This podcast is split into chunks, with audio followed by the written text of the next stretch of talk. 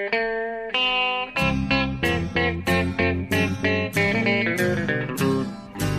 out there, we're on the air. It's hockey night tonight. Tension grows, the whistle blows, and the puck goes down the ice. The goalie jumps and the players bump and the fans all go insane. Someone roars, Bobby scores at the good old hockey game. Oh, the good old hockey game is the best game you can name. Hallå, hallå, hallå, hallå, hallå, hallå, hallå, hallå. Yes, hallå och välkomna till NHL-podcasten med Jonathan Onskan eh, Bambi Ekeliv i Stockholm Ja. och mig Per eh, Baloo Bjurman i New York. Vi ska Ja. ta här nu och spela in vårt 217 avsnitt. Eh, denna Thanksgiving-vecka. Det är onsdag och imorgon slår USA igen och hela nationen sätter sig ner och äter torr kalkon, inklusive jag. Just det. Du är Ja, bjuden på en skulle- äkta middag har jag hört. Mm. Ja, precis som i fjol så ska jag åka med en kompis ut till hans familj i, i New Jersey, en bra bit ut i Jersey och, och eh, ja, och verkligen göra det på traditionellt amerikanskt vis. Jag tycker den där maten de äter är ganska så svinäcklig faktiskt. Ja, det, deras, Det ingår eh, på något vis i hög, hö, högtider här. Det är ju samma sak i Sverige. Jag vissa kan ju njuta av ett julbord till exempel. Jag får eh, leta lite grann för att hitta någonting. Även på midsommar och sådär. Jaha, ja, det, det har jag inga problem med Du älskar men- skinkan och sillen och allt det där va? Ja, ja, men, men här är det pumpkin pie och konstig fyllning med, med tranbärssylt och skit. Det är väldigt underliga smakkombinationer tycker jag. Och sen tycker jag ju då rent allmänt att kalkon är en fruktansvärt torr och tråkig fågeljävel att äta. Ja, men det måste finnas på bordet där. Det har man ju förstått. Ja, det, ja så är det, är det Men- presenter och sånt där också du ska ha med dig? Och sånt? Nej, nej, nej. Ja, som rent, eh, rent hyfs bara så har man ju med sig en flaska vin eller något åt, åt världen. Men det är inte så att man, det är inte julklapps... eh, Nej, Så, nej. jag förstår. Nej, och sen, men sen, det blir ju som man ser på spelarna dagen efter på Black Friday. Kalkon är inte bra för matsmältningen. Det, är- det, är, just som att, det är som att äta eh, cement. Liksom. Det blir förstoppning i hela NHL. Ja, ja, just det. Det är ju åtminstone lika för alla får man säga. Ja, Eh, Men det är en speciell eh, natt här framför oss. Vi spelar in innan, eh, innan den här onsdagsnatten som blir svensk tid. Där det spelas, är det 14 matcher någonting? De klumpar ihop alla matcher nu för att alla ska kunna vara lediga på Thanksgiving. Inklusive Ja. Per Bjurman då förstås. Ja, det är 14 matcher ikväll och 15 på fredag sen. Då, på, det, på, det är hela... Det är, det är, ja, det är nästan full gång, så när som på ett lag då.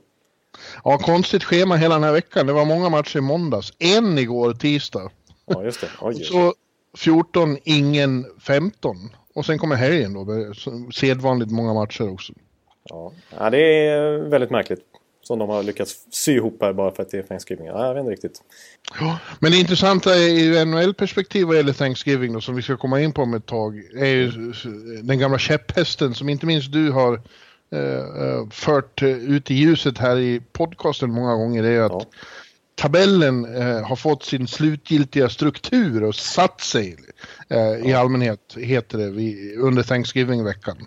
Eller hur? Ja, precis. Det brukar vara så generellt sett. Det kan vara några avvikelser från år till år, men eh, över tid så brukar man säga att uppemot 80% av lagen som just nu ligger på slutspelsplats kommer att gå till slutspel. Ja. Eh, och det är ju en väldigt hög andel. Eh, så att, Och vice versa, 80% av de som ligger utanför kommer inte att gå dit. exakt, så det är bara undantagsfall, några enstaka lag som eh, hämtar upp sitt underläge i det här skedet då, redan i slutet av november alltså. Thanksgiving threshold brukar man ju prata om. Ja, precis. Ja. Ja, och därför ska vi då gå igenom tabellen ordentligt. Eh, eller jo, vi ska titta på vissa punkter i den i alla fall. Eh, Ja. och, och se vad vi tror. Jag, har jag har, är inte så säker på att det är sån trashhold i år. Men vi ska börja med, det har ju hänt stora saker. Eh, nyheter här sen sist. Ja. Och det fortsätter falla coacher härs och tvärs och här och där. Förra Ja. året fan, blev alltså inte en enda coach sparkad förrän precis när säsongen var slut och Rangers gjorde sig av med Alain Vigneault. Men nu, nu jävlar eh, går eh, bilan eh, genom coachkollektivet. Ja, helt plötsligt här nu så har det smällt till. Alltså, det var bara ett par veckor sedan här vi, vi pratade om två firings inom samma podd också när det var Quenville och Stevens i Kings. Mm. Och nu är det liksom, eh, ja nu har vi två till att diskutera idag. Ja, St. Louis bestämde sig för att sparka Mike Joe. Mm. Eh, och ersätta honom tillfälligtvis då i alla fall med, med Craig Berube. Ja. Spännande, och, eh, eller inte? Ja. Bara några timmar senare så meddelade Edmonton att Todd McClellan har fått sparken och han ersätts av ingen mindre än gamle Ken Hitchcock. Ja, nu eh, testar de nytt här i, i klubbarna. Se vad det kan leda till. Ja, nu ska vi inte vara så sarkastiska. Nej, förlåt. Vi, vi kan börja med, tycker jag, och, och poäng, på, påpeka att mm. eh, det handlar ändå i de flesta fall, kanske inte Quenville så mycket då, men i övrigt om att de som vi hade identifierat som sårbara ändå. Ja. Eh, på ett tidigt stadium tycker jag. Ja. Att vi pratade om att Stevens, Joe och McClellan låg illa till. Ja, precis. Ja, det, det, har varit ganska logiska beslut sett till, ja precis som snacket har gått och så har det inte dröjt så länge så har det blivit verklighet. Det, det stämmer ju. Mm -hmm. Jag har sett att några varit inne på, alltså om man ska jämföra fjol och i år, det faktum att det är sån extrem skillnad. Noll sparkningar som sagt av förra säsongen. Och redan fyra nu innan Thanksgiving. Vad det beror på egentligen, men det kanske är just... Alltså förra året var det ändå ganska mycket nya coacher på många håll. Alltså, ja, man tänker att en sån som ja, men, eh, Housley i Buffalo efter deras tröga start, eller Arizonas katastrofstart i fjol, att de skulle bli sparkade. Men det var ju helt nya coacher, så det, där hade man ju tålamod och det har ju visat sig belöna sig också. Mm. Medan nu i år har det varit fler liksom som har haft ett antal år på sig. Men nu, och så har man gett dem en säsong till och ser vad det kan leda till. Men så märker man direkt att nej, det kommer inte leda någon vart. Och det är egentligen synonymt med alla de här coacherna som fått sparken hittills. De har varit där i två, tre år på sig. De har fått sin prövoperiod. Den är över. Nu ska det, liksom, nu ska det levereras. Och har ni inte gjort det, ja, då har till slut på flera håll och kanter giljotinen kommit fram. Men det, fjolåret var ju också en, en fluk. Alltså. Det, var, det brukar ju alltid vara eh, fem, sex, sju stycken som får sparken.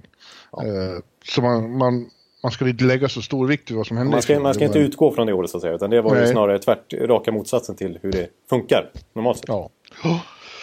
Ja, men låt oss då, uh, Mike Joe, jag skulle vilja påstå att du ändå har trott mer på honom än vad jag har gjort. Jag har ju kallat honom den mest överskattade coachen i, i, i den här generationen. Men jag tyckte ja. att det var tydligt att han har haft så mycket bra material att jobba med i Minnesota och lyckades aldrig ta dem förbi, uh, ta dem så långt i slutspelet som det var meningen. Liksom. Det, pös, luften pös ur snabbt och uh, det har ju inte blivit något bra alls med St. Louis heller. Nej, precis tvärtom kan man säga att han, han fick ju en tidig effekt på det direkt som ganska många tränare ändå får. Att man liksom trycker på rätt knappar. Det är bara själva grejen att byta coach en sån tydlig markering till laget. Att det ger en skjuts automatiskt. Och han mm. la visserligen om försvarsspelet lite grann där och när han tog över efter Hitchcock som vi alltså, snackar om tränarkarusellen som vi ska prata om snart. Men Eh, men faktum är att under hans tid i St. Louis så har det faktiskt ganska tydligt gått sämre och sämre och sämre. Det har barkat åt fel håll hela tiden. Trots att han mm. bara varit där mindre än, det är mindre än två år. Eh, så han började, hans första 70 matcher tror jag han hade ett fantastiskt fint record. Sen har det successivt försämrats, försämrats, försämrats och inte så speciellt imponerande nu. Alltså, kollar man på hans 2018 så är det nej, inte kul för Blues. Och nej. det känns som att hans... Eh, det, tanken är att han ska utvecklas. Alltså att han ska ju utveckla laget. Alltså, han var ju handplockad eh, av Armstrong för att först skulle han ha Hitchcock som mentor när han var associate coach. Lite speciell lösning när, han, när det var sagt att han skulle ta över året efter men tog över redan mitt i säsongen när Hitchcock blev sparkad. Men sen skulle han ju föra blues in i... Han skulle ta blues in i en ny, in i en ny tid liksom. Mm. Det skulle bli Joe-eran där. Men så blir det alltså sämre och sämre och sämre istället. Och det, det är ju ingen bra utveckling. Nej, eh, jag såg presskonferensen igår med Armstrong. Eh, där han sa att de hamnade i en svacka i december 2017 och den har de aldrig riktigt tagit sig ur. Nej. Och de missade ju slutspelet, eh, fast de hade gyllene chans då med två sista matcherna i, i, i grundserien i fjol, men förlorade båda på ett nästan patetiskt sätt. ja. Eh, och missade. Så att, eh, och, och de har ju, de kanske också har en lite förvrängd självbild i, i St. Louis. Att de fortfarande är den här maskinen som, som de var under några år när de var riktigt fruktansvärt jobbiga att möta. Ja. Men eh, de har ju tappat det lite och eh, ja, det var han väl i och för sig inne på Armstrong också. Det här, eh, han vill inte sparka några fler coacher, han har gjort det rätt mycket. Ja, tre, tre stycken sen, ja. han tog över 2010 och redan nu så är han uppe i sin fjärde huvudcoach. Liksom. Ja. Men att han, att han, nästa gång så är det eh, kåren av spelare som kommer att, att ryka liksom. Ja, han, han var ju rätt hård. Det brukar han vara när han sparkar coacher. Då brukar han eh, även... Eh, Alltså det blir lite dubbelt där. För han, å ena sidan så säger han att nej, coachen får inte fart på laget, han måste bort. Å andra sidan säger han att nej, eh, spelarna måste ta ansvar. Det är svårt för coachen när inte spelarna levererar, ungefär. Men vilka är coren där nu? För de har ju gjort om rätt mycket. Han, han stuvade om ganska ordentligt i truppen i, i, i somras. Ja. Men eh, det måste ju vara Sten, eh, Petrangelo, Baumeister, Tarasenko, ja. Schwartz. Ja. Och sen så är väl O'Reilly har väl kommit in där nu liksom. Eh, Jake ja, Allen. Han, han, har ju varit ett litet en ljusglimt på slutet. O'Reilly ja. har ju blivit bra. Ja, det, det, det, man kan säga två saker om O'Reilly här. Det är att han har varit klart bäst i laget. Alltså han är ju, ja. skuggar ju nästan uppe i poängtoppen i ligan. Inte, han är ju inte nära första platsen men 23 poäng det är han ju överlägset bäst med i Blues. Och varit bra och nyttig och få mycket istid precis. Man fick ju Buffalo och Colorado. Men synonymt med O'Reilly det är att var han än hamnar så... Eh, den klubben är, är ju fast i botten nästan. Eh, han var ju trött på hockey i Buffalo som nu har lyft. Ja. Och det var ju skandaler och kaos och grejer och, och, och schism i, i Colorado när han var där. Framförallt mellan honom och klubbledningen. Eh, så att eh, ja, man ska inte dra för stora växlar av det. Det är en jättebra hockeyspel och han är ju alltid given när det vankas kanadensiska trupper. Inte bara VM utan även, han kommer ju ofta med i, i liksom OS och World Cup och sådär. Men i NHL-sammanhang så har han ingen positiv effekt på trupperna verkar det som. Nej, Nej och eh, det, det, är ju anmärkningsvärt det där tycker jag att, att det är bara några år sedan så var det bland det värsta eh, vad det gäller motståndare som gör ont att möta så var det svårare att tänka sig något värre exempel än St. Louis. Liksom. Ja. När de Chicago Kings dök upp där under slutspelsrundorna. Man, vilka slag det var. Ja. Men det var lite den tidens hockey också. Jag tror St. Ja, Louis, det var, det var ju backers du vet och så här. Eh. Den tiden, så vi pratar om tre... Fyra, ja, men det går så fort. ja, jag vet, det går, jag vet, det går fort. Nej, men, men det, det låter, som vi pratar 80-talet ungefär. Oh, där, back in the days, du vet. Liksom. Men eh, nej, det är bara tre, fyra år sedan. Eh, men nu, nej, alltså det, det, är en sån supertydlig grej och som ska vara en Joe-fråga. Och även lite Armstrongs prägel på truppen. Alltså vad står Blues för idag? Ja. Det vet ju ingen. Och nej, det... de har ingen riktig identitet så som de hade då, nej, det är sant. Exakt, och då var det ju så här hårt lag, tungt, jobbar och en maskin som du säger. Som bara, och framförallt på hemmaplan, alltså komma till St. Louis på den tiden, alltså tre, fyra år sedan då. Det var ju, det var ju förlust. Du vet, de, de vinner den. De, de, måste, alltså, de hade ju fantastiskt hemmafacit flera år i rad. Men nu har de ju uselt hemmafacit. Och det tycker jag, har man liksom, bra hemmafacit brukar tyda på att man har ett eget spel, att man tar tag i det på hemmaplan. Man vet vad man ska göra. Man har en identitet som bara mm. funkar här på hemmarinken. Liksom. Men nu har de inte det. Och de vet inte hur de ska ta tag i matcherna. Liksom. Och därför blir det, jag menar nu har de blivit, inte bara på hemmaplan men eh, nu, deras facit just nu är ju, ja de har blivit nollade tre av de fyra senaste matcherna. Och i början av säsongen så gjorde de massa mål men släppte in massa mål. Och nu har de försökt fixa till försvarsspelet med Joe men då gjorde de inga mål istället. Så de, de vet ju inte vad de håller på med. Nej, och sen har de en målvakt som är en av de mest inconsistent som finns i, i, i Jake Allen. Ja. Som, kan vara, som kan vara femstjärnig men också lika snabbt kan bli helt bedrövlig. Exakt, från, det går inte att lita på honom från kväll till kväll. Det är, det är verkligen en sån stor diskrepans i hans liksom, prestationer. Men nu då på interimbasis så är det eh, Craig Berube. Och jag vet inte jag, han, man minns ju mest honom som eh, inte så lyckad huvudcoach i Philadelphia och eh, väckte avsky där nästan lika mycket som Dave Hextall gör nu. Ja, jag var på den nivån i princip skulle jag säga. Ja. Det var ju en, eh, en kortare period, men ändå. Ja, spontant så känns det ju inte som att han är uh, någon som... Det var väl enkelt i och med att han var assisterande där nu då. Så fan, ta över tills de kanske har hittat någon ny. Och, en väldigt vanlig uh, reflektion är ju att Joel Quenville faktiskt var i St. Louis i många år. Ja. och att det, skulle vara väldigt seamless för honom att, att kliva in där igen. Ja. Men eh, det kräver ju också att eh, Chicago eh, godkänner det. För Precis. att eh, de, de betalar ju fortfarande hans lön och, och, och, och, jag vet inte hur det där riktigt fungerar men om de ska fortsätta betala hans lön Ja. Eh, då måste de ha godkänt eh, nästa jobb, eller hur? Exakt, exakt. Och, och, det handlar inte om någon liten lön, det handlar om 6 miljoner dollar om året. Precis, och då ska de komma överens med St. Louis som ändå är en divisionsrival också. Ja, precis. Så det är extra pikant på det viset. Ja, jag undrar ja. Och dessutom sägs det ju nu att Quenville är rätt, tycker det är rätt behagligt att kanske sitta ut den här säsongen och sen välja ett jobb nästa år. Exakt, istället för att vara beroende av att vilka lag som sparkar sin coach. Då kan han mer eller mindre ta vad han vill nästan. För då har ju klubbarna mycket större... Det är mycket smidigare att sköta business på, på sommaren. Ja. Ja, och komma in i ett annat läge. Men å andra sidan, eh, det, det, de har väl också egon och måste känna liksom eh, att eh, det är smickrande att vara så eftertraktad och kanske...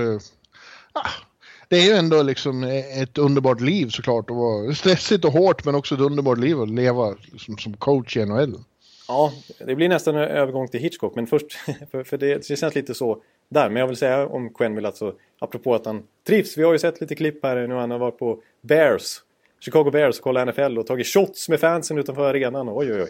Han har det gött vet du. Han tycker det är kul att vara lite ledig nu. Ja, det är inte så dumt när man var ledig och ha 6 miljoner dollar om året för besväret. Nej, exakt. Det, jag skulle ta det. Jag skulle gärna ha en sån tid.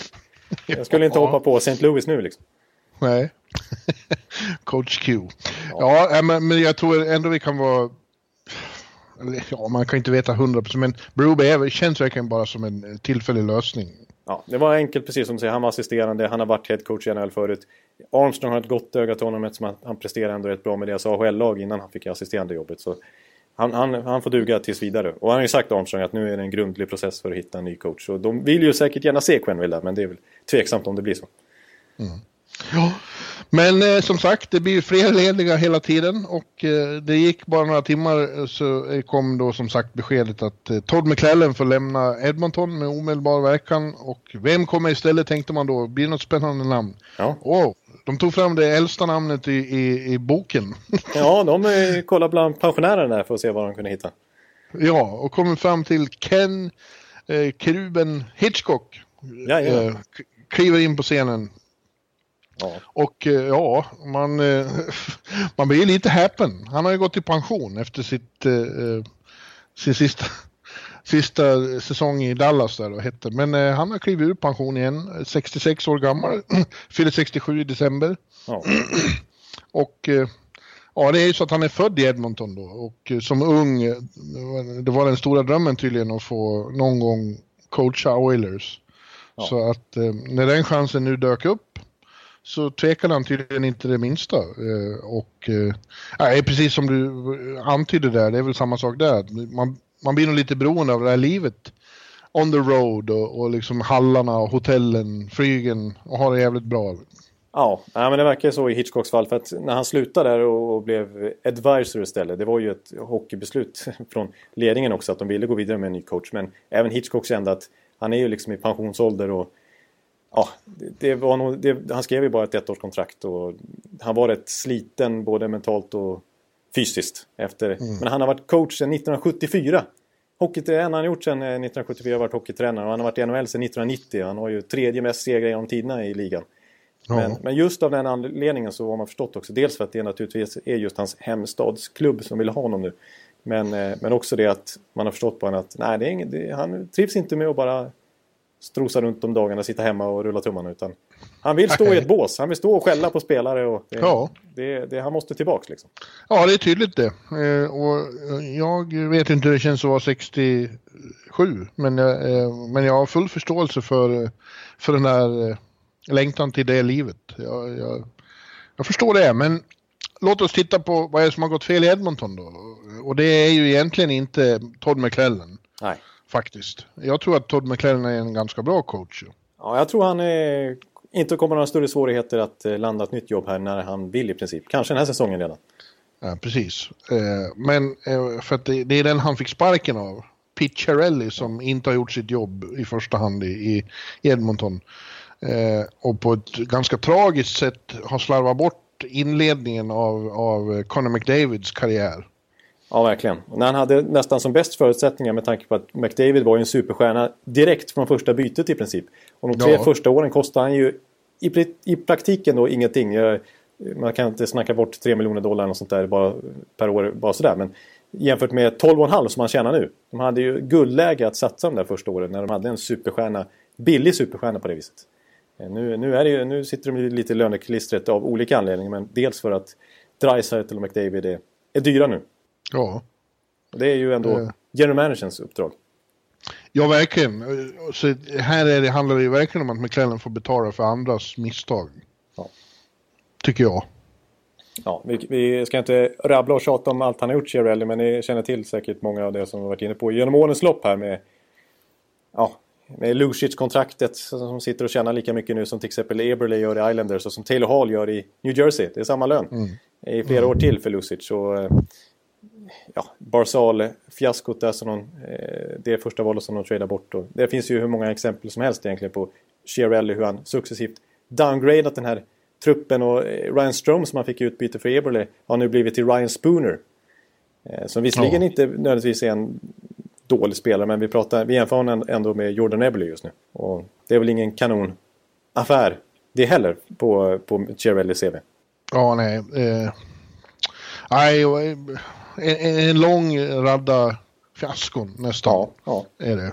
Men framförallt ren allmän oförmåga att liksom bygga en, en, en, en rimlig omgivning för, för, för McDavid. Det är det det ska handla om där. Eh, ja. Och framförallt har det ju sett jävligt kast ut defensivt då, för att de inte har tillräckligt stark backbesättning. Ja. Och det är väl därför, det är ju i första hand därför Hitchcock rimligen kommer in, för att eh, staga upp det hela eh, defensivt. Ja, det, det brukar vara hans roll. Och, och det, det, finns, det är svårt tycker jag och man blir både man både rynkar på näsan och, tänk, och tänker ja men ja, kanske ändå. Ja, ja.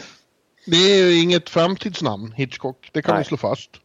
Eh, och han, det har inte alltid känts som att han är uppdaterad med riktigt modern hockey. Han har sina eh, principer ändå. Samtidigt så var det ju så att han faktiskt eh, gav Dallas en ny stadga där och de ravar ju om honom, Klingberg och kompani, vad han gjorde med, med, med den sortens backar, med Klingberg inte minst. Liksom. Nej, då, alltså han tog ju steg under Hitchcock, det är ingen snack om den saken. Det är bara det att ibland känns det som att han hämmar eh, offensiva kreativiteten då och, och eh, drar ner speeden. Liksom. Precis, alltså ja, nu gjorde ju faktiskt, alltså top-heavy-spelarna har väl presterat okej okay, liksom. Alltså, eh, visst, det är kanske inte klockrent för McDavid så här med Hitchcock Hockey. Men de tillräckligt bra spelarna som han litar på som får mycket förtroende. De brukar ju prestera ändå. Vilken coach de än har i princip. Men problemet för Dallas var ju att alltså bredden. Ja. Den, den tunnades ut totalt. Alltså han förstörde ju i princip Jason Spetsa. Och, och, eh, det var ju ingen eh, breddspelare där som, som levererade i närheten på vad, vad de borde vara kapabla till. Nej, de var extremt top-heavy och var tvungna att förlita sig på första kedjan hela tiden. Exakt, och när man, när man tittar nu på Edmontons lag så känns det som att det finns risk för samma tendenser där. För kollar man bara på deras poängliga så är det ju deras Big Three som ligger som överlägsen 1, 2 och 3. Det är RNH, det är Dreisaitl och givetvis då McDavid. Men sen är det 11 mm. poäng ner till fyran. Eh, som är Alex Chason liksom. Ja, och det finns alltid någon spelare som har oturen att hamna i, i, i Hitchcocks doghouse. Ja. Och, som, som spetsar och som han liksom kan förstöra. Jaha. Jag läste nu att de, de tror att hans känsla för veteraner då skulle, eh, att han skulle kunna få liv i Lucic. Ja. Men det kan bli tvärtom också, att han eh, gör honom ännu sämre. Det, den risken ju, finns ju också. Till exempel när han var i St. Louis så då gillar han ju inte Tyratti. Tyratti som inför säsongen snackades om att oh, han ska ju spela med McDavid och hoppas att han kan få ett genombrott. Men ja, vi såg i natt, han har inte presterat så bra här under hösten och nu när Hitchcock kommer in då blir det åtta minuter direkt på Ratty liksom. Snart är han borta ja. nästan. Men, ja, vilken mardröm för honom. Ja. och höra att ja, vi har ny coach. Ja, vem? Hitchcock. Ni skojar med mig. ja. nej. Ja, nej. Så att, det är det som är lite det är också ett Chiarelli-problem. Alltså att de inte, det är den här ytterforwardsproblematiken. Ja, om inte backproblemet är ett problem i sig, alltså är stort nog så är ju Alltså de här breddspelarna och inte minst ytterforwards överlag. Jag menar, det, nu är det ju så att Dreisaitl får gå upp och spela winger bredvid McDavid för att de ska göra några mål. Mm. Och... Eh... Ja, men det blev en snabb effekt i alla fall. De slog ju San Jose borta i den enda matchen igår. Ja, en, eh... Började ganska dåligt eh, men höll sig kvar i matchen, inte minst tack vare Koskinen i mål. Ja. Eh, och, och sen vart de som Hitch sa efteråt bättre och bättre ju, ju längre matchen Jag coachade hårt sa han. Ja. Eh, och eh, ja, de eh, vann på övertid. Det är inte så att han har hunnit sätta någon prägel på laget än, men ändå. Ändå, det var ändå en, en coach, en Hitchcock-effekt direkt kan man väl kalla den. Ja. Och släppte inte till så mycket skott, bara 25 tror jag. Sånt där. Och, eh, ja, det är typisk eh, Hitchcock-retorik man har hört. Han sa väl på presskonferensen inför också så här, att ja, jag kan ta de här spelarna till en plats de inte skulle kunna ta till sig på egen hand. Men eh, det kommer inte bli bekvämt för dem. Då måste de lyssna på mig. Och jag kommer skrika. ja. ja. ja. Och han kommer vara rolig för media. Han är ju väldigt eh, charmig när han vill på presskonferenser. Så en, han, underfundig. Han bjuder ju på sig själv. Ja. Han är ju inte bara standardsvar hela tiden. Nej. Jag undrar om det var någon som frågade DeBoer igår igen om han ser sig själv... Om, för det var några år sedan någon, någon reporter sa, berättade för DeBoer att Ken Hitchcock säger att när han, när han ser sig själv i spegeln så ser han dig. Ja. var på, var på DeBoer höll på att börja skratta ihjäl sig. Det var, inte, var inte så de menade rent utseendemässigt. Nej, nej, nej, nej, just det. Oj, oj. Ja, den var, ja, den var speciell. Titta på det klippet på YouTube, det är fruktansvärt roligt. Ja, det, det känns som något jag måste se. Jag, jag har alltid ty tyckt att Hitchcock är lite lik eh, den här Pete, eller heter han, i, i, i Family Guy och sånt. ja, ja, det gör han. Det känns inte som att... Jag ofta funderat på det när han kommer in på skridskor liksom, på träningarna. Liksom. Ja. Att, det, att det rimligen måste vara svårt att sätta respekt när man ser ut så. Som jag, om jag skulle komma in. Liksom. Ja, men du skulle... Nu, nu ska Auran ni, skulle bara liksom, oj oj, nu ska han, måste vi lyssna på. Nu ska ni jobba hårt fysiskt, någon som uppenbarligen inte har jobbat så hårt fysiskt på ett tag. Nej, men han, är, han har ju pondusen på något vis då. Ja. Det är väl det ja, som ja. Eh, överväger allt. Ja. Men hur länge tror du han blir kvar då? Den här säsongen är ju helt given, men kommer han att fortsätta? Jag vet inte, det kan, alltså, nej, det känns mer som att de hoppas på lite kanske Dallas-effekt ändå. Att det är på något sätt att hans försvarsspel, hans tänk, hans, hans eh, liksom den här strukturen som han präglar hans lag ska liksom ja. eh, fortsätta leva kvar lite grann även när de byter ut honom. Eh, och att backarna liksom utvecklas i det defensiva spelet, defensiva tänket under honom som man ändå får säga typ Klingberg gjorde. Eh, ja. Hans eh, liksom, idéer och sådär har han tagit med sig nu till den här säsongen också. Sen är det ju så att om, om, om det inte går bra nu, om de till exempel missar slutspel, då ryker ju Cherelli också. Ja. Och då kommer det in en ny chef och då vet man ingenting om vad som händer. Nej, precis. Då blir det väl helt eh, nytt i grunden nästan, i alla fall general manager och tränarmässigt. Eh, ja. Och det här är ju alltså ett Chiarelli desperat move för att rädda sitt eget jobb. Han säger ju ut, uttryckligen också att vi måste gå till slutspel den här säsongen. Mm. Ja, ja, spännande. Och nu är frågan då vilka står, vilka står nästa, näst närmast i kön för att få sparken. Eh, jag har, håller ju fast vid att Randy Carlisle must go. Det har nästan blivit en, en ja. grej för mig, propaganda här. Ja, jag Randy Carlisle must go. Ja, det är nästan en Twitter-hashtag du har skapat här snart. Alltså. ja, ja. I Anaheim alltså. Och ja. nu när Bob Murray dessutom har så gott om alternativ med de andra sparkade. Ja. Vad väntar han på? Nej, egentligen precis. Eh, McLellan till exempel. Ja. Men sen som vi snart kommer in på, eller kanske ganska precis nu, är ju att eh, eh även Mike Sullivan i Pittsburgh kan ligga risigt till. Ja, det har väl för första gången, eller för första gången är det inte. Det var ju lite Pittsburgh-fans redan förra året som gnällde då, men, men eh, ja, de, de, fortsätter ju att gå trögt. Vi pratade lite Pittsburgh förra veckan eh, faktiskt och just att deras knackiga start där. Men de är fortfarande sist i tabellen i öst. Ja. Eh, ja, men ska vi ta och titta på det här tabellgrejset nu då? Ja, vi, vi tar det på samma, samma veva nu. Alltså helt enkelt Thanksgiving-genomgången, kan vi kalla det Ja, och eh, ja, jag säger igen då, jag, jag, är inte så säker på att det, i år känns det så jämn och så ologiskt och eh, avstånden är så relativt korta i tabellen ändå att jag undrar om den här vanliga eh, eh, eh logiken gäller i år. Jag är inte så säker, men, men eh, och, och, och, det gäller ju, vi kan ju börja med Pittsburgh eftersom vi är inne på dem nu. De ligger alltså sist i öst. Ja. Eh, chockerande nog. Men de har fortfarande bara fem poäng upp till eh, tredjeplatsen i, i Metropolitan. Ja, precis. Det är ju så pass små marginaler. Eh, ja. Det, det, det, är ju faktiskt bara, vad blir det, åtta poäng upp till första platsen. Ja, ja. Och så, så jag eh, skulle vilja hävda att det finns, det finns ingenting som säger att, att de kommer att vara kvar där. Eh, de har, det har sett förjäkligt ut nu på slutet, verkligen. Eh, de har haft en enastående förmåga att hitta sätt att förlora istället för att hitta sätt att vinna som de brukar säga. Ja, som var deras kännetecken nu när Sullivan kom in. När de ja. var ett riktigt vinnarlag. Alltså, alla de här tajta matcherna gick ju Pittsburgh segrande ur. Och nu är, det, nu är det kollapser hit och dit. Det är liksom 4-1-ledning mot Buffalo när man tror att det ska vända till slut. Och så kommer en episk kollaps då, 5-4 torsk istället. Och de det bara rasslar in mål upp i Ottawa och så vidare. Eh, och Matt Murray ja. får inte sitt målvaktsspel att fungera alls. Nej, han är väl... Eh, om något så är det väl han som är, är ett orosmoln på riktigt, att inte han spelar bättre.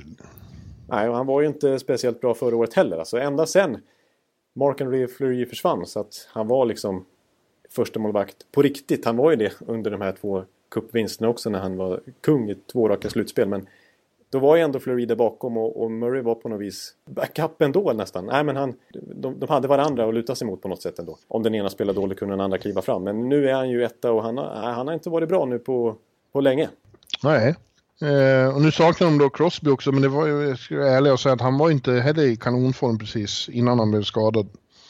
Nej, liksom okej okay, men inte den här... Han var ju inte bäst i ligan liksom. Nej, Sullivan fick till och med ha enskilda samtal med honom. Ja, precis. Han gjorde inga mål i början till exempel. Nej. Ja, det är, ja, alltså visst. Kollar man så här eh, siffermässigt så är alltså deras possession-siffror och sådär så ligger de ändå rätt så bra till. Alltså de är ett av ligans mest potenta offensiva lag. Försvarsspelare däremot, det är inte bara Murray alltså. Det är, de släpper till väldigt mycket också. Men man tänker ju ändå liksom... Eh, det är omöjligt att föreställa sig att ett lag med den potentialen inte ska snart uh, börja sin resa uppåt här. Nej, Nej det, det, är alldeles för bra spelare. Det är liksom, vi pratar ju Malkin och Kessel och Brassard borde kunna leverera bättre också. Och det, fin, det finns ju djup där och det finns en Letang på backsidan och så vidare. Ja. Alltså, och det måste, det måste ju bära emot för Rutherford och tänka tanken på att sparka Sullivan. För att dels var det hans handplockade man som han har vunnit två Stanley Cup med. Ja. Eh, och, eh, och, han har alltid visat sig vara en helt otrolig coach i slutspelet. Ja. Framför allt. Ja. Så jag skulle tveka, jag, snarare att eh, något till eh, ingrepp i truppen. Det är han ju inte främmande för. Nej, verk, verkligen inte. Det var, vi pratade om det förra veckan och vad händer? Några timmar senare så blir Hagelin bortbytt mot Tanner Pearson. Ja. Och jag, jag, vet inte, det var ju kändes som en liten move för sakens skull. Han pratade ju om att Eh, ja, verkligen. Han måste se upp för att spelarna blir för bekväma. Har, de varit, har den här gruppen varit ihop för länge? Han måste liksom ruska liv i dem lite grann. Men eh, den typen av moves kan ju vara bra. Alltså till exempel eh, när han bytte till sig Hagelin en gång i tiden funkar det ju bra. Eh, då hade visserligen David Brown inte varit där så länge så det var lite andra förutsättningar men ändå. Men den här, ja, jag tycker kanske han har misslyckats lite mer på sista året här. Rutherford i sina ganska många ingrepp på truppen. Just av den anledningen att han vill få in lite nytt blod för att det ska bli lite eh, nystart på något vis. Alltså, lite, mm. För ruska om lite grann. Jag, jag kommer osökt faktiskt att tänka på lite grann, alltså, det här är en konstig referens, men jag tänker på när Barcelona tog in Zlatan. När Pep, när Pep eh, man var ju ja. på, på sin, i sin prime där Barcelona, de var ju så otroligt bra. Och så tar de in Zlatan som en helt annan spelartyp bara för att ja, men vi måste få något nytt så att det inte det blir för Och så ser du Tanner Pearson som NHL-Zlatan. Ja, jag tänkte Zlatan, Tanner Pearson, det finns ju Nej, jag bara skojar. Men, men, eh, nej, men det kändes lite som en, en eh, förändring för sakens skull. För att just, just det som Rutherford pratar om, för att liksom det ska bli något nytt här. Men eh, många av hans, men alltså det han har gjort senaste åren, han har Riley Sheehan, Oleksiak, Brassard och så vidare. Det har varit ganska många trades som inte har slagit så väl ut för att de kanske inte har varit så... för att de kanske inte varit så väl planerade sett till hur de ska passa i truppen utan mer för att de vill just förändra truppen. Jag har dessutom hört att det är ganska stort missnöje med att, med att Hagelin försvann. Han var en extremt populär person i, i, i gruppen. Liksom. Ja. Eh, och att eh, ingen riktigt förstår varför han skulle offras. Nej, Nej just det. Och precis det här med, med hans speed och så, alltså, även om inte han gör poäng så är han en sån där spelare som bidrar kväll efter kväll ändå. Eh, med sitt, alltså deras PK var ju, eh, var ju han en, en väldigt central figur till exempel. Ja. Så, ja. Ja. låt mig ändå säga att jag har extremt svårt att se att, att eh, de är kvar under strecket när vi tittar på det här i april. Precis, och jag, jag är så begeistrad av deras trupp att jag alltså tippar dem som Stanley Cup-mästare inför säsongen. Skulle de missa slutspel, ja då får jag ja. nästan lägga ner podden. Nej, men, men, men, det var ju många som gjorde det. Du tänkte att de har fått en lång sommar och... och ja, det var så jag resonerade också. Hämta, återhämta sig. Ja, vi får se. Andra lag framför dem som man väl kanske tänker att det är mer logiskt att de är där de är. New Jersey eh, är på samma poäng och ja, vi trodde väl i och för sig att New Jersey... Ja, vi var lite osäkra men, men, men eh, har tagit det lilla steget tillbaks. Ja. Eh, Florida, Detroit, Ottawa, Carolina Islanders, ja. Philadelphia är där också. De tycker jag underpresterar och borde vara högre upp. Ja, de har problem med sin defensiv också och målvaktsspelet och allt det där. Och lite skador faktiskt. Eh. Men eh, jag tycker, jag tycker Ben Reemstack har sett bra ut när han har kommit tillbaka. Så deras högsta nivå är fortfarande väldigt hög. Den är närmast contendermässigt när de, är, ja. när de spelar som bäst. Eh, ja. Den högsta nivån har de, men det är ju svajigt alltså. Florida till exempel trodde jag en hel del på inför säsongen. Jag trodde nog att de var den största utmanaren till topptrojkan i Atlantic.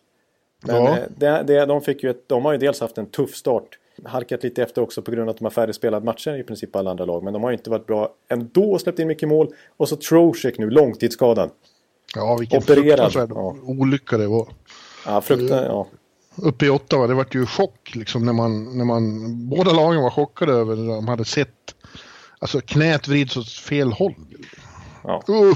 Nej, det är sånt där som man inte vill uh, titta på egentligen. Alltså, Nej, det, det, det var man lite illamående av att se faktiskt. Ja. Och det, nu har han ju opererats då och eh, de hade en uttalande här nyligen om att de tror ändå att det kanske kan komma tillbaks den här säsongen.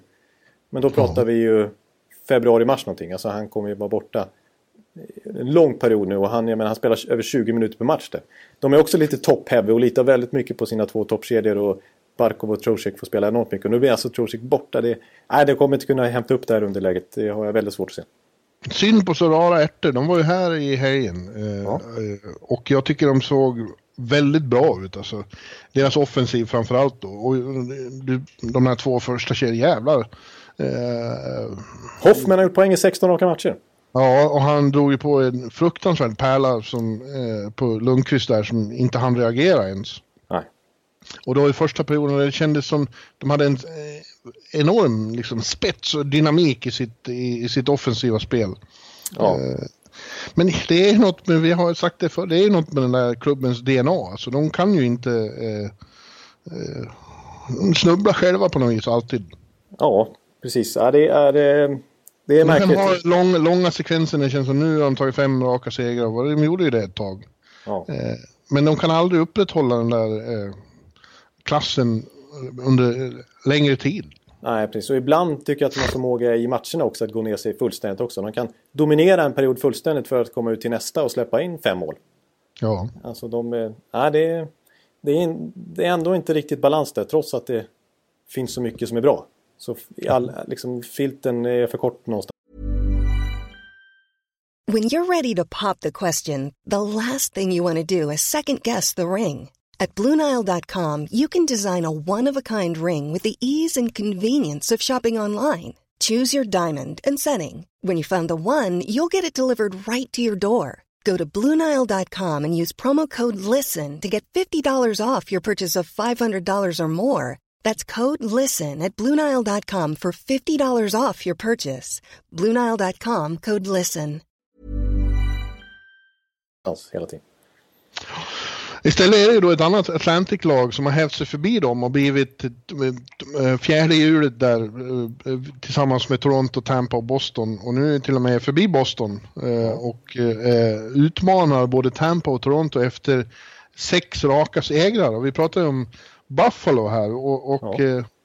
Ja, vi, nog tänkte vi väl att nu tar de några steg framåt Buffalo men just nu så är de ju inne i en period när de verkligen överträffar allas förväntningar och eh, gör livet fullständigt underbart för, för fansen. Ja, de är inte vana vid det här, de förstår inte vad som händer. Nej. Hur ska de hantera den här framgången? Ja. Eh, men jag, jag var ju där på försäsongen och första matcherna och det pratades ju väldigt mycket om att eh, en Rasmus Dahlin-effekt som inte handlar så mycket om att Rasmus Dahlin är en superstar direkt, men att allt kring honom, att de fick honom som första draft och den liksom första val i draften och liksom det positiva som sprang ur det har ja. fått till nytt liv i hela klubben. Ja, det är det som... Eh, för det är just det som du säger, alltså den här stämningen kring laget. Och mm. i truppen, alltså känslan kring hela Buffalo Sabres just nu är ju väldigt positiv. Eh, och har varit så ända sedan de vann det där draftlotteriet. Ja. Det är någonting som Botterill och Housley har pratat om under sommaren och som verkligen har... Det har blivit så. Mycket tack vare Dahlin-effekten. Men överhuvudtaget har man poängterat det att det måste bli mycket roligare att vara här. Alltså vi måste komma ihåg, vi måste liksom... Eh, alltså apropå till exempel att O'Reilly säger att han tröttnar på hockey i Buffalo. Mm. Alltså överhuvudtaget så måste de komma ihop som grupp med. De måste umgås med, med varandra. Liksom. Försöka, ja. de, de, de, kan, de, måste vara ett lag, inte bara en grupp spelare. Nej, och det är, ju, det är ju det de pratar om nu. Jag såg Eichel efter senast när de hade vänt mot, mot Pittsburgh. Eh, han pratade om att vi har verkligen blivit en familj i det här omklädningsrummet och, och Dalin sa det efter någon match, jag älskar att spela för det här laget. Exakt, sådana uttalanden snackar man om och att de litar 100% på varandra. Och det är så kul ja. att vara här. Och, men sen när Eichel gör det här målet mot Pittsburgh så, eh, inte för att jag vet, jag tänker på hur han brukar fira sina mål, men han liksom, istället för att åka och hoppa upp i plexiglasen och sådär, så han, bara, han, vill bara, han vill bara åka till sina lagkamrater borta i båset. Han liksom, ja. Det är så han vill fira, han vill liksom bara krama om allihopa. Det... Men eh, det är ju flera av dem som, som, som Botterill tog in i, i somras också. Jeff Skinner har ju varit en succé. Ja, en supersuccé, om man säga. 14 ja. mål. Ja. Och du har honom i din uh, jävla fantasy Ja, just det. Jag plockade upp han. Jag kände på mig det här, vet du. Ja, du har sånt flyt med det där. Ja. Men han, han och Eichel har ju hittat ja. ett speciellt band får man verkligen säga. För att ska man vara lite kritisk så är det just den kedjan som gör det mesta produktionsmässigt ändå. Eh, men de vinner ju matcher ändå. Men, men de, de gör ju väldigt mycket alltså. Eh, båda två. Ja, Pommenville har ju också varit väldigt bra. Ja, precis. När, eh, exakt. Men ibland har de försökt få igång Reinhardt och spela han med de två. Men när de har sett Pommenville som tredje länk, då är den kedjan dominant. Mm. Ja. Dalin måste vi ändå säga att han har faktiskt kommit igång. Jag tror han har sex poäng de senaste fem matcherna eller sånt där. Ja, är... och sen har det varit en succé får man säga med Carter Hutton som första Morris också. Jag, jag hade ju frågetecken för det om han verkligen eh, är första Morris. Men det tycker jag han har bevisat redan nu. Och det var väldigt klokt av någon där att se det. Ja, nej precis. Han som ändå är, vad är han, 32 eller något sånt där. Mm. Eh, och första, första gången som första keeper i något lag egentligen. Han var ju typ första keeper ett tag i St. Louis i fjol. När han definitivt överglänste Jake Allen. Men nu har han ju bara fortsatt att övertyga i Buffalo. Så får man säga att Linus Ullmark, jag tror han är uppe i fem matcher. Han har fortfarande inte förlorat i ordinarie tid. Det är inte många lag som har en backup som fortfarande inte har förlorat någon match. Nej. Så att Nej. de har gott ställt där faktiskt. Ja, och samtidigt har de, det finns ju då, det är många som eh, samtidigt eh, missnöjda på något vis därför att det, det finns ännu mer ammunition i, i, i AHL-laget. Jag, jag har min till exempel eh, i, i bloggen, eh, kommentatorspåret, där den gamla stammisen John J, den som har varit med längst. Jajamän. Han är vansinnig över att inte Lawrence Pilot får chansen. För ja. han gör ju bra succé i AHL. Fullständigt dominant nere, nere i Rochester. Ja. Han har gjort eh, ja, över en poäng per match som back, alltså som rookie. Första gången på eh, liten rink liksom. Ja, det, men det antyder att han kommer snart att få chansen. Om vid första skada eller eh, svackor i, i, i backbesättningen. Men grejen är att när det går så här bra så ändrar man ju inte. Nej, precis. Nej, nej så är det. Så det är exakt. Men det, ja, det är kul. Det, och det är ju verkligen Bortrill som vi pratade inför säsongen. Alltså hans eh, otroligt framgångsrika år som AHL-GM för Pittsburgh. Eh, när han bara tog Wilkes Bart till slutspel efter slutspel efter slutspel och fick upp fina spelare till Pittsburgh. Och nu, mm. det som har varit ett sånt problem för Buffalo att de inte har utvecklat egna spelare på alls den nivå som krävs för att vara ett topplag i NHL. Alltså Rochester har ju varit fantastiskt bra i AHL den här säsongen. Inte bara Pilot utan det är ju Victor Olofsson till exempel, Alexander Nylander som har fått fart på karriären. Eh, och många andra där nere, de är ju ett topplag i AHL numera efter att ha ja, de gick faktiskt slutspel i fjol också med första året med Bortrill. Men dessförinnan har de ju missat många, många slutspel där och inte eh, fått ordning på, på sakerna. Så att det är inte bara NHL-laget han har fått ordning på, den gode Bortrill. Utan det är alltså att utveckla spelare även nere i AHL. Mm. Att, eh, mycket bra general manager vill jag påstå att han är. Men tror du att det här håller då? Blir det Buffalo som blir det stora hotet mot Tampa, Toronto, Boston? Jag, jag har ändå svårt att se liksom de, de är ju inne i en riktig flow nu alltså. När de, det känns som mm. att de mm. knappt kan förlora. De vänder matcher i sista minuterna hela tiden. Och mm. avgör, avgör i varenda förlängning känns det som att de vinner. Men eh, kollar man det, det som är lite speciellt att kollar man på till exempel målskillnaden jämfört med de andra topplagen. De andra ligger på en plus 15-16 mål där uppe i absoluta eliten. Medan Buffalo, trots en 9-2-seger mot eh, Ottawa som liksom höjer siffran lite grann, bara har plus 5 tror jag. Så det är mm. väldigt... Det, de har, jag tycker de har svårt att dominera matcher. Alltså till exempel mot mitt Tampa, när de vann med 2-1. Jag är lite bitter. De skjuter bara 19 skott i den matchen. Det är, spelmässigt så är de lite underlägsna, men de är hårda och jobbar hårt. Det är som du säger, de har ju fått ihop gruppen nu så att de, de faller ju inte ur ramen. Utan de, de ligger i och är jobbiga att möta. Så att, eh, jag tror att de är i, på den övre halvan för att stanna den här säsongen. Men någon contender, ja. det, det, tror jag inte. Nej, det är de nog inte. Men, men de kommer... Ja, de kommer vara med och slåss om slutspelsplats, ja. Ja. Långt över förväntan får vi säga att det är ändå är. Ja. Innan vi byter till väst, låt oss också bara konstatera att det har ju varit väldigt konstigt i Metropolitan.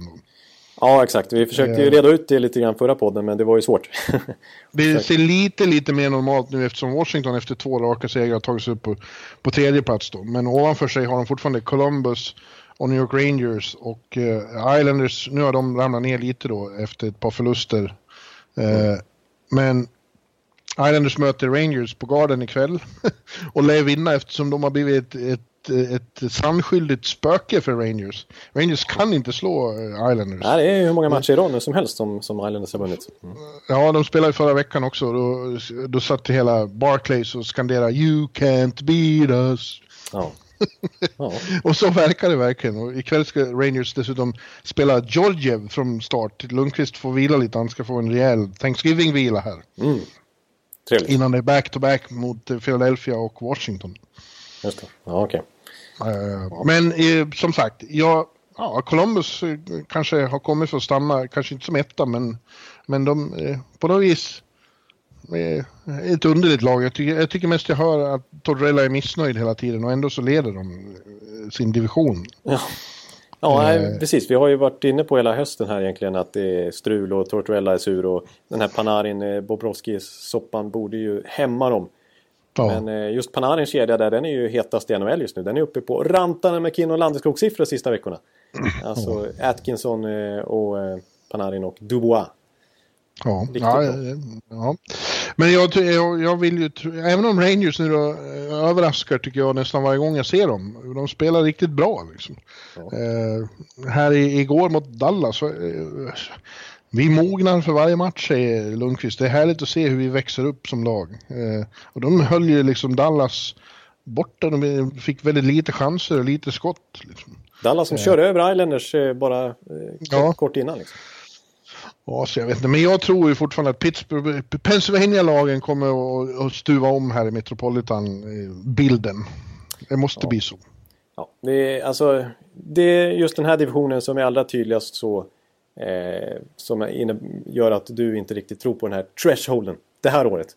Alltså att det är så jämnt i Metropolitan. Det är ändå för bra lag som är utanför just nu som borde göra en resa de här 60 återstående matcherna som det trots allt är. Ja. Eh, och de har inte så många poäng upp så att... Eh, och vi förväntar oss ju att Rangers trots allt ska fortsätta sin rebuild och trada bort spelare snarare än hämta in. Och, ja, så blir det ju. Eh, Islanders får ju ett spännande val här snart också hur de ska göra liksom med Eberle och med Eh, Nelson till exempel har väl också utgående kontrakt. Lee har ju utgående kontrakt, kaptenen. Eh, hur, de, hur, de, hur de ska göra det. Du, får fråga en sak? Om, i, I fantasyn, om, om, en, om en spelare blir tradad, har man kvar honom då? Ändå? Jajamän. Ja. Så det, han är kvar, det är bara att han helt enkelt är ett nytt lag i verkligheten. Ja, ja. ja bra. Det är lugnt. bara så jag får veta. Vi, det är ju du och jag nu uh, som möts den här veckan. Ja, det är stormöte. Och eh, det har inte varit så många matcher än. Eh, så du leder ju, men det kommer ju att ändras ikväll. Ja, precis. Vi får se. Det är ju ett, ett gäng målvaktskategorier som man måste vinna också. Där har jag fick, fick jag en mardrömsstart med Casey DeSmith för Pittsburgh i kollapsen mot uh, Buffalo. Medan Henke då, som du har förstås, han stängde igen butiken för Rangers. Ja. ja. Så att, ja. ja, men du, om vi tittar på, på väst då. Eh, där har det åtminstone känts tills nyligen som att eh, ja, Los Angeles är nog avhängda här. Eh, och de har fortfarande sju poäng upp till tredjeplatsen i Pacific och eh, ännu längre till, till wildcard-platserna. Då. Eh, men de har ändå liksom, de är ju i botten då efter sin katastrofstart. Eh, och, eh, nej, jag tror ja, inte på... Nej. Nej, du tror inte på någon uh, resurrection här. Nej. Du tror att i deras fall så säger Thanksgiving uh, eh, scenariot en sanning. Exakt, det blir inget undantag det här året utan de är, de är borta. Ja. ja, jag skulle eh, nästan... eh, Ja, I och med att Willie Desjardins inte är någon eh, super... Det var, det var ju eh, för att de råkade slå St. Louis med 2-0 då i, i Scott Trade Center som inte heter Scott Trade Center. Ja, men Det heter- Enterprise eller något sånt där va? Ja, Någonting. precis. Eh, och St. Louis är ju då åtta där i väst. Jag tror att de också är körda. Ja, jag vet inte. Vi hade ju ganska höga förhoppningar på St. Louis inför säsongen. Men just det som vi pratade om. Vad är St. Louis egentligen? Och nu när Berube är bara interim coach och de egentligen söker en ny frälsare där så, så känns det svajigt. Vegas är också, alltså Vegas eh, har inte varit så kul att följa på slutet. Eh, de har verkligen blivit ett vanligt lag. De, eh, de påminner mer i år om vad man trodde att de skulle vara i fjol. Faktiskt. Ja, de åkte ju på en eh, hemsk förlust här mot eh, Calgary. Eh, Ja. kan, kan skylla på back-to-back och att det kändes lite som en schedule loss när de inte byter ut Subban. Trots att han släpper in mål på mål på mål på mål. Men man vill låta Fleury vila så att han får härda ut den här 7-0 förlusten eller vad det blir. 7-1 eller vad det blir. Fem- fem- 5-0 efter en period. Ja, men du ska väl vara glad för det eftersom du har Flurry i fantasy-laget. Ja, det var bra för mig att han inte stod den matchen. För att det hade varit ytterligare katastrof för, för målvakten än för mig. Men eh, så att rent allmänt så känns det väl som att eh, tabellen som den ser ut i väst nu eh, påminner mer om kanske hur den kommer att se ut. Ett lag som är på slutspelsplats just nu men som får väldigt svårt att hålla fast vid den är ju Vancouver då. De har haft en väldigt fin start men nu har det ju bara eh, blivit förlust på förlustet då. Fem raka förluster. Ja, exakt. Nej, och det har inte sett eh, speciellt trevligt ut. Minus 14 i målskillnad till exempel. Eh, och de har De inte så bra ju- underliggande de- siffror heller. De blir ju ganska dominerade i matcherna. Ja, men de, de har ju eh, definitivt skador att skylla på. De har haft Ja, ja, jävligt visst. jobbiga Absolut. skador. Och, ja, att, ja, att Elias Petterssons eh, produktion har gått ner lite, även om han har kommit tillbaka nu, han har gjort några mål igen. Eh, han, jag tror han saknar Brock, Brock eh, Baser väldigt mycket. Ja, precis. Och det är inte, om liksom inte ens Conor McDavid kan ta en mot honom till slutspel år efter år så, så är det svårt att se att Elias Pettersson, att han ska då kunna lyfta det här skadeskjutna Vancouver till slutspel. Nej, det, det ser tufft ut. Eh, generellt sett om, om West vill jag poängtera att jag tror att ja, det, blir, det blir fem lag från Central alltså. De här två wildcard-platserna, ja, det, det- det är ju Central alltså. Ja, För Dallas och Colorado som ligger där just nu, eh, de, är, de känns betydligt hetare än till exempel Vancouver på sikt och Edmonton och Anaheim och Arizona. ja, ja och Chicago, det, det andra centrallaget där. De är ganska nära nu i och för sig då, men eh, nej, jag tror inte i längden att de, Dallas och Colorado är för bra. Ja, och tycker de är hyfsad trend ändå också. Alltså Dallas har fått lite bättre ordning på sitt bortaspel som var så katastrof, katastrofalt i början av säsongen. Eh, och hemma är de ju starka så att... Och det finns en viss risk att de tre som ligger etta, tvåa, trea i, i Central kommer att göra det resten av resan. Alltså precis som i fjol då. Nashville, Winnipeg, Minnesota. Ja, det är faktiskt så. Vi kanske ska prata lite om Minnesota som vi inte pratat om så mycket den här säsongen och som inte känns så spännande liksom. Nej, man tror inför varje år att då, man, man tycker de är liksom tråkiga, osexiga. Eh, men eh, i grundserien så fortsätter de eh, prove us wrong år efter år. Med en viss coach som är duktig på det.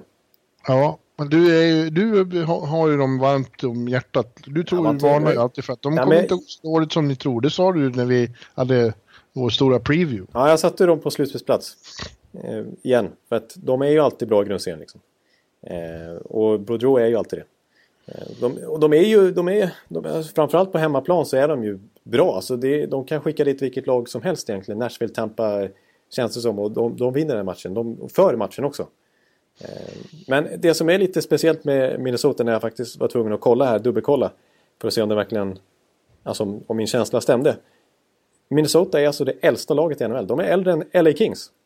Ja. Och, ja, det är ju anmärkningsvärt. För det är ju den här gamla coren som är bra. Som gör att de varje säsong är ett slutspelslag och ligger på övre halvan och har gått till slutspel. Det blir sjunde året i rad nu. Eller åttonde till och med. Om de går till slutspel.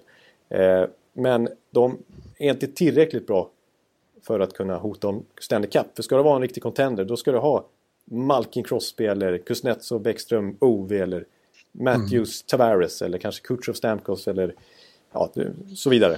Men de, mm. de, är inte riktigt där och kolla nu på deras, alltså, på, ja, Granlund då, eh, har gjort en jättefin säsong och leder interna poängligan och har faktiskt varit riktigt bra. Men kollar man där på, så är det gamla vanliga gänget, jag kollar på deras ålder nu, vi har en, det är liksom 33-årig Zach Parisi som har varit jättebra den här säsongen.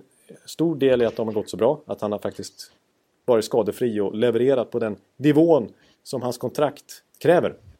Mm. Eh, och sen så är det en 35-årig eh, Mikko Koivu 33-årig Ryan Suter, 34-årig Erik Stahl. Så att... Eh... Ja, jag tror att det är bara två poäng. Dallas och Colorado har bara två poäng upp till Minnesota. Eh, och Winnipeg för övrigt. Jag tror att de kan vara med och, och, och slåss om de där andra och tredje platsen, även de. Sen ja. Colorado som ju faktiskt, eh, ja, deras första kedja är ju guld. Ja, den är, den är, bara fortsätter ju. Mikko Rantanen, vad händer? Superstjärna. Ja.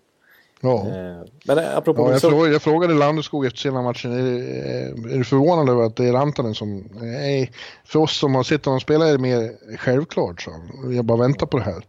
Ja. Eh, han, på, han har påmint mig, sen han dök upp så har jag haft Malkin-vibbar. Oj, ja, nej, men han har ju storleken verkligen. Och han har ett hockey-IQ på högsta nivå. Eh, så att han, har, han har egentligen väldigt många komponenter som man vill att en liksom, komplett hockeyspelare ska ha. Mm. Så att det har bara, precis, det har bara väntat. För han hamnar liksom lite i skymundan bakom Line och Puljujärvi till och med och, och eh, Aho och Barkov och så de här andra stora finska forwardstalangerna senaste åren.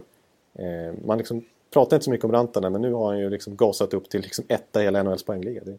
Jag vet en som pratar jättemycket om honom. Ja. Jarkko Päiviniemi, han, det kommer glödande sms på nätterna när, han, när det går bra för Rantanen. Ja. Det är nästan så att Jarko har bytt lag och börjar hålla på, på Colorado istället nu för Winnipeg. Ja, han har ju varit stenhård eh, Winnipeg-fan nu de senaste två åren. Men nu, nu är han uppe och ser varenda match med Colorado istället. Ja. Också eh, åtminstone.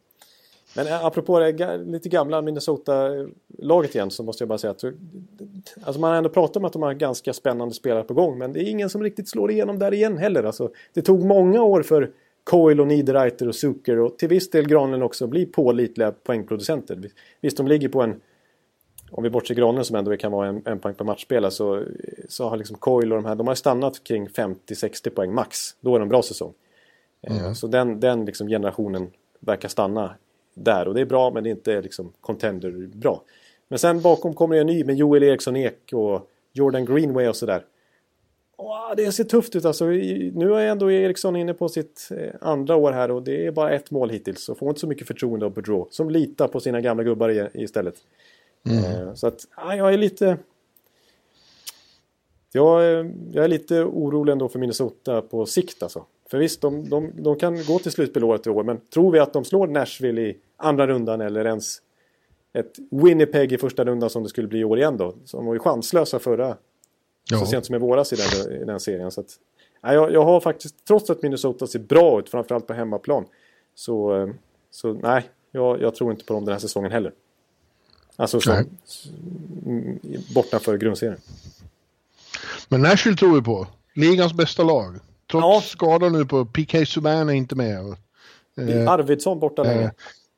Arvidsson framförallt är ju en otroligt viktig komponent där. Men eh, de vann ändå seriefinalen igen mot Tampa i en fantastisk match häromdagen. Ja. Ja, de är, de, det är bara att konstatera att de är bra. Du alltså. satt förstås och såg den. Jag var ju upptagen med matchen så jag hann inte se så mycket men det var en riktig eh, enastående hockeymatch, eller hur? Ja, det var många som hävdade att det var kanske säsongens match kvalitetsmässigt. Ja. Ja. Eh, och jag, jag, alltså, Tampa kommer tillbaka starkt i slutet och Mattias Ekholm räddade Nashville på mållinjen i slutsekunderna från att det inte skulle bli förlängning. Så att Nashville vann med 3-2. Men, men annars eh, måste jag säga att eh, när Nashville tog tag i taktpinnen ordentligt i andra perioden. Eh, då, då, då, då hade Tampa inte en chans ett tag där. Alltså. Så att, eh, Nej, jag tror att de är bättre i år därför att de har fått igång eh, jag var inne på förut, men att de har fått igång en sån som Kyle Turris till exempel.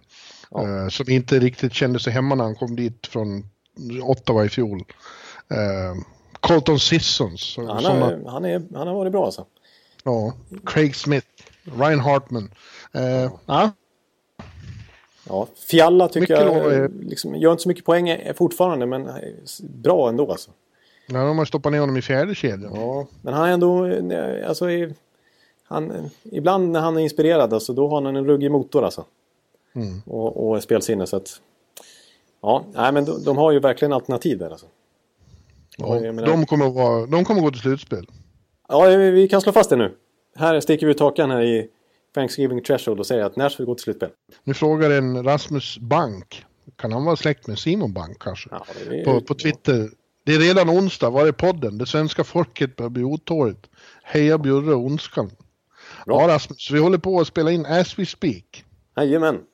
Mm. Den, är, den kommer ut eh, under natten. Ja. Mycket bra. Ja. Men eh, ja, de som sagt, de har vi där uppe eh, i april också. Ja, det är ingen snack om den saken. Men eh, Nej, eh, väst ser mer ut att eh, Thanksgiving säger något om.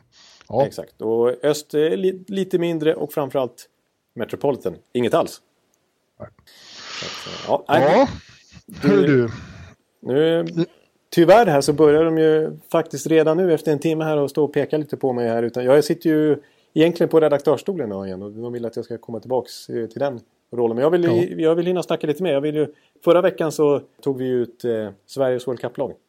Ja, Och, och nu eh, fortsätter vi med World Cup. Med, med förhoppningen om att det blir World Cup 2020. Ja, Och eh, ja, vi ska gå igenom, inte alla, vi ska inte gå igenom Tysklands trupp vad det lider, men, men vi ska titta på Kanada idag. Och jag har inte riktigt hunnit sätta mig in i det här, men utgår från att du har och att vi kan kommentera din trupp. Ja, jag har tagit ut en kanadensisk trupp och, och eh, det är ju otroligt Det är omöjligt. roligt. Alltså, det, ja, precis exakt. Det är det jag skulle säga. Det är, det är otroligt roligt, men det är fullständigt omöjligt. Alltså det är Det finns ett sånt överflöd av spelare och framförallt centrar som man blir helt yr i huvudet när man tittar på det. Exakt, jag kom fram till att när de ändå har sådana här pajaslag i förra World Cup, de skulle kunna ha eh, Canadian Centers Team. Liksom. Jaha, ett, ett, ja. ett lag med bara kanadensiska centra skulle typ kunna vinna World Cup. Ja, Och jag säger så här Ja. i alla fall, det här laget som jag har tagit ut nu, alltså jag skulle kunna vara coach och de skulle kunna vinna ändå. De skulle, de skulle klara det alldeles utmärkt på egen hand.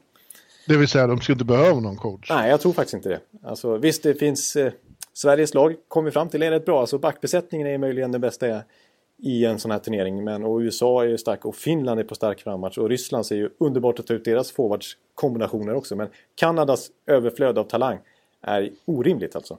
De Ja. måste vinna eh, de största turneringarna i världen hockey för att de är så otroligt eh, namnstarka. Alltså. Eh, Men eh, ja, jag, kommer, jag säger väl hur min trupp är. Och så här är det då. Eh, Får vi ju klargöra återigen att vi tar faktiskt inte upp truppen som vi tror att den kommer se ut om två år, 2020. Utan vi utgår från att turneringen börjar imorgon. Mm. Så att jag har tagit eh, spelare som, som är prime just nu helt enkelt. Det bästa, bästa möjliga lag jag kan få ihop idag. Ja, får höra vilka tre målvakter du Ja, vi börjar där nerifrån. Oh, där har jag faktiskt... Eh, där har jag en knall. Jag tror att så här va, att Carey Price skulle tas ut i en World Cup-trupp med sin erfarenhet och sitt CV och sitt renommé som kanadensisk första målvakt. Men nej. Eh, jag har tagit ut Holtby, Crawford och Dubnik. Ja. Ja, jag, jag rafsade ner några namn här och Carey Price stod högst upp för mig, men de andra var ju med. Eh, Martin Jones skulle kunna utmana någon av dem kanske. Alltså de har ju, alltså om man, ja. Ja, fast det är, där är de, på målvaktsfronten, de är ju bra, men de är inte överlägsna någon annan där inte. Nej, det tycker jag faktiskt inte. Och det är, det är väl kanske ingen som alltså, just nu är i superform den här hösten till exempel. Alltså, ja, Dubnik Nej. kanske. Crawford, eh, när han är skadefri, är han ju bra. Så, men, och Holtbys slutspel har man ju ganska färskt i minne. Eh, Men eh, jag menar, det finns ju en Fleury till exempel med tanke på vad han gjorde förra året. Och det finns eh, Martin Johnson, säger Carter Hutton, Talbot, Allen, Murray, Luongo. Ja. Det är ju massor med kanadensiska keeprar i NHL. Så att, men jag, jag tar ut dem Holtby, Crawford, Dubnik faktiskt. USA nästan bättre mål. De har ju Hellebucken. Hellebuck. Hellebucken och Gibson, min gamla favorit. Ja, precis. Hellebuck. Ja, ja, ja, men jag, ja, men jag tycker det är hårt att, att, att, förbigå Price. Jag, Det tror jag inte att jag skulle gjort. Kanske, okej. ja, kanske Crawfords eh, skadehistorik skulle göra att jag tog han för att jag tog Price ändå. Men ja, ja. Mm. Eh, backarna. Ja, Det är inte lätt heller, men där är jag lite Babcock-aktig och tänker så här att nej, jag ska ha rightare och leftare alltså. Mm. Eh, nitiskt, för att, och här är ju grejen så här, om de har starka centrar, alltså Kanada skulle kunna ställa upp med två fantastiska backuppsättningar enbart bestående av högerfattade backar. Alltså de har enormt överflöd på just högerfattade skulle jag säga. Där är konkurrensen mördande. ja. Ja. Så att, eh, ja, men eh, så här har jag fått ihop det i alla fall. Min, jag kan säga mina tre högerbackar då, som spelar till höger. Och eh, eh, det blir Dowdy, Burns och Subban.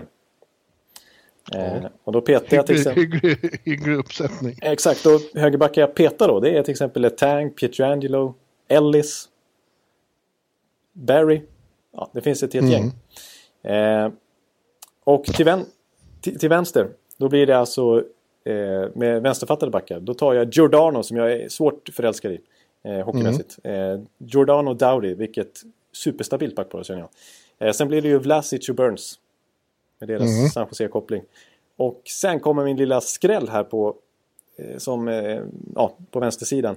Om man ska ta formstarka backar så är en sån som Chabot med tanke på hans start i, i Ottawa skulle kunna vara aktuell. En Mike Riley i Toronto så man öser in Morgan poäng. Riley. Mor- Mike Riley, nu pratar jag om eh, Montreals eh, Riley istället som inte alls är lika bra som Morgan Riley i Toronto. Tack! Ehm, men mitt val här som är kanske den stora skrällen i truppen. Eh, det är att jag sätter där en personlig favorit, vänsterfattad. Extremt bra defensivt. Bra i transition-spelet. Jacob Slavin. Oj, oj, oj. Jaha, Ja. det var oväntat ändå. ja. Så att backparen är alltså Giordano Dowdy, Vlasic Burns, Slavin Subban. Ja, att, eh, Jag tycker jag har bra balans. Högerfattade, vänsterfattade, offensiva, defensiva. Ryan Ellis, inte aktuell. Ja, det är just det där med, med högerfattade. Alltså Ellis, Pietrangelo, Letang. Hamilton finns ju också. Eh, Ja. det, är- det du ser, det är, ett, det är galen. Eh, alltså du... Eh, säg att du skulle ta ut den här backsidan. Det kanske skulle sett ganska... Alltså du kanske skulle byta ut tre namn. Kanske. Eh, ja, jag vet inte. Ja, men det är inte heller där de är mest överlägsna, inte på nej, backsidan. nej, precis. För tar du Sveriges backuppsättning som vi drog förra veckan. Den är ju minst lika bra. Faktiskt. Ja, det tycker jag faktiskt. Då, då tar vi forwards. Ja, där är det. Här är det, här är det, det är hemskt alltså. Det är hemskt. Ja, Fruktansvärt. Men eh, ja, då gör jag så här va. Att eh, jag eh, låter första serien från förra årets, eh, förra året, från eh, 2016 års World Cup vara intakt. Med tanke på hur otroligt överlägsen det var i den turneringen. Och på egen hand nästan kunde spela hem guldet till Kanada. Och det är ju då Martian Crosby som center och så Bergeron som ytterforward. ja han flyttade ut uh, Bergie, ja just det. Ja. Eh, och de turas ju om att ta teckningar beroende på... Det, det är ju det att de har så fruktansvärt mycket center så man får lov att helt enkelt stoppa ut dem på kanterna för att det ska bli Ja. bästa laget. Ja, som sagt, man skulle kunna ha bara centrar i det här laget. Ja, alltså, ja. Kvaliteten finns ju där. Så, att, eh, så, så jag har väldigt mycket centra, men, så att man får skarva lite här. Nästa kedja är bara centrar. Eh, där, där de, de som jag har som ytterforwards här har spelat ytterforwards tidigare i, i NHL. Så att de är inte helt obekväma med det. Eh, men där har jag då McDavid som center. Eh, och eh, här pratar vi fart i den här kedjan. Jag har en liten skräll till vänster här, men till höger sätter jag Nathan McKinnon. Där går undan. Och sen så, vem ska jag sätta bredvid, bredvid där? Men då tänker jag så här faktiskt, innan någon tänker att jag kanske ska sätta Taylor Hall eller något sånt där. Eh, med den farten och den spelskickligheten. Men jag tänker att eh, alltså McDavid och McKinnon vill ha mycket puck själva. De måste ha en spelare som har matchar deras fart, men som ändå kan vara beredd att Fart! Fart, brassard, Så du fart, tar in brassard. där, Ja, heter ja. Nej, faktiskt inte. Som kan matcha deras fart, men som liksom kan ändå grotta fram lite puckar, som ställer sig framför mål och kan underordna sig i hierarkin lite grann, vem som ska ha mest puck. Och nu- Braden Point. Braden Point. Ja. Du var med på den? ja, jag förstod det. ja, men det är väl helt, helt klart. Eh, om inte någon har gått om här så är han den kanadensare som har faktiskt gjort flest mål hittills i NHL tror jag. Mest underskattad i ligan så- såg jag fler, inte bara i Tampa säger jag, tror det var Boudreau som sa det att eh, Ja. eh, den, den som är bäst som får som inte, som, vad, heter det? Ja, den, den som får minst cred, eller vadå? Ja. Bra, duktiga spelare. Som, som, som, de fåtaligaste människorna vet hur bra han är. Ja, just det. Ja, det är väl Ja. ingen household name liksom. Än, riktigt än. Men eh, de som följer hockey vet ju att det är en fantastiskt bra spelare. Så det blir Point, McDavid, Mc, McKinnon. Ja. Eh, Och sen? sen har vi då... Eh, sen har jag Taylor Hall i tredje kedjan, fjolårets MVP. Och han får spela till vänster med en duo som har varit väldigt bra i en nyformad duo som varit väldigt bra här i, under hösten. Och det är ju då Tavares och Marner. Jaha, jag trodde du skulle säga Segwin och Ben. Jag var helt ja. inne på det. Mm, nej, nej. Eh, faktiskt inte, utan det blir Hall, Tavares, Marner. Mm -hmm. eh, och i fjärde serien då. Där vill jag ändå ha, jag har ju en spelare som jag väldigt gärna vill ha här. Alltså, jag tänker ju ändå, när du tog ut ditt svenska laget så tänker du bara mål framåt. De ska framåt, mm. de behöver inte ha något defensivt eller PK-spelare för de kommer ju, kommer ju ha pucken och allting. Men jag tänker att jag, jag vill ändå ha en Selke-mässig center till här förutom Bergeron. Så jag tar Couturier. Ja. Eh, jag vill ha Couturier och det innebär att jag petar otroliga centrar. Alltså. Ja, det gör du. Det gör jag faktiskt. Men jag har Couturier och så tänkte jag vilken duo ska jag få spela med Couturier sammansvetsad? Antingen Giroux Couturier så att han får spela med sin fina kompis i, i Philadelphia och som du gillar ju Giroux väldigt mycket. Mm. Eller ska jag ta Ben och Seguin? Och då blev det faktiskt, eh, det blev helt enkelt Ben och Seguin. Så Couturier som center med Ben till vänster och Seguin till höger. Mm. Och eh, så har jag kanske Giroux som extra spelare då. En sån som Scheifele kommer ju inte med här nu.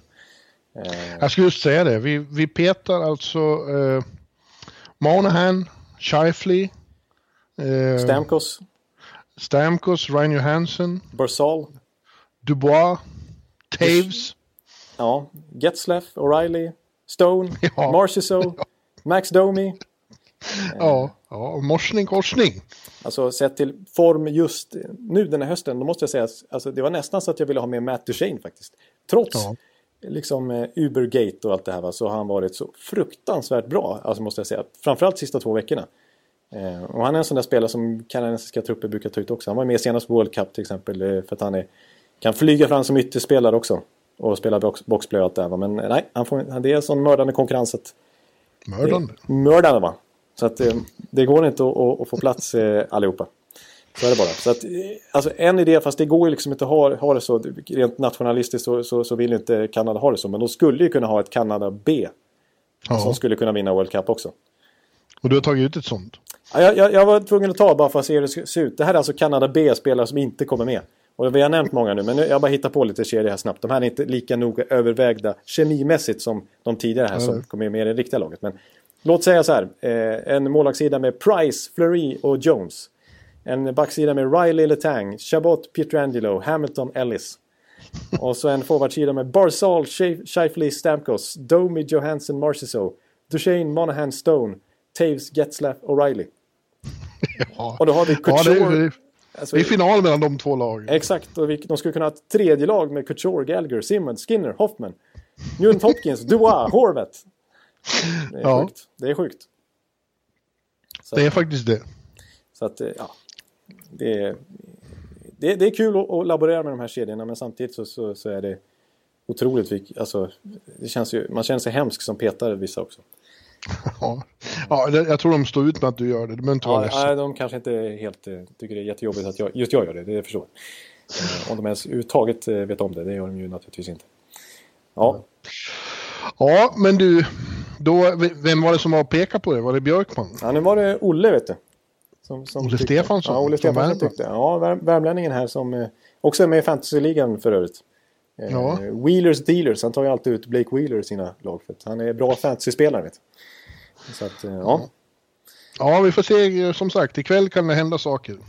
Ja, eh, exakt. Oerhört många matcher. Så ni får ha lite överseende om vi har missat någon supergrej just i natt. För att det här spelades in precis innan då. Mm. Av tidsskäl Ja. ja, men eh, då får vi väl tacka för den här veckan då. Och nästa vecka så eh, då kommer jag tillbaks med kalkon i, i, i hela min lekamen. Har förhoppningsvis eh, lyckats... Uh, nej, nu ska vi inte gå in på det. Nej, du vill inte vara för detaljerad. Men jag, jag förstår att det har med matsmältning att göra, att du ska vara i form. Ja, ja. ja eh, eh, det ska bli trevligt. Ja, man ska tänka på saker man är tacksam för och eh, vid middagsbordet i fjol så fick man faktiskt lov att säga det, saker man var tacksam över. Ja. Så det, i år ska jag väl säga att eh, jag är bland annat tacksam för att jag får göra en podd ihop med Jonathan Ekeliv och ha så fantastiska lyssnare som vi har. Oh, det, det var trevligt sagt och det, det, jag bara instämma. Att, mm. eh, ja, att vi fortsätter att köra ett... Alltså att vi får göra det här ihop, det, det ska vi vara tacksamma för. Sitta och snacka ja. NHL på arbetstid, det, det, är ju helt sjukt alltså. Ja, ja det ska ja. vi verkligen vara. Men eh, vi hörs igen nästa vecka, lika glada och eh, pigga. Ja, tack så mycket allihopa. Vi avslutar så. Tack helt enkelt. Hej hej! Hallå, hallå, hallå! Hallå, hallå, hallå! Alex Chiazot, Joe Luis Arena och Esposito. Esposito. Uttalsproblem, men vi tjötar ändå. Och alla kan vara lugna, inspelningsknappen är på. Bjuder Hanna Kohl, han är grym i sin roll. Från Kållesoffan har han fullständig kontroll på det som händer och sker. Det blir ju allt fler som rattar Arenas blogg. Gå och lyssna på hans podd. One, two, times speed, so Hallå, hallå, hallå! One, two, times speed, so Hallå, hallå, hallå! Ekeliv, som är ung och har driv. Verkar stor och stark och känns allmänt massiv. Han hejar på Tampa och älskar Hedman. Sjunger som Sinatra. Ja, och det ser man. Nu är det dags för refräng. Dags för magi, Victor Norén. Du är ett geni. Så stand up at home and remove your hats. Höj volym, för nu är det plats. One, two, times speed, so Hallå, hallå, hallå! One, two, times speed, so Hallå, hallå, hallå! One, two, times speed, so Hallå, hallå, hallå! One, two, times speed, so Hallå, hallå, hallå! Det er utroligt længe siden mor, der samtidig trods har råd. Hallå, hallå, hallå! Det er utroligt længe siden mor, der samtidig trods har råd.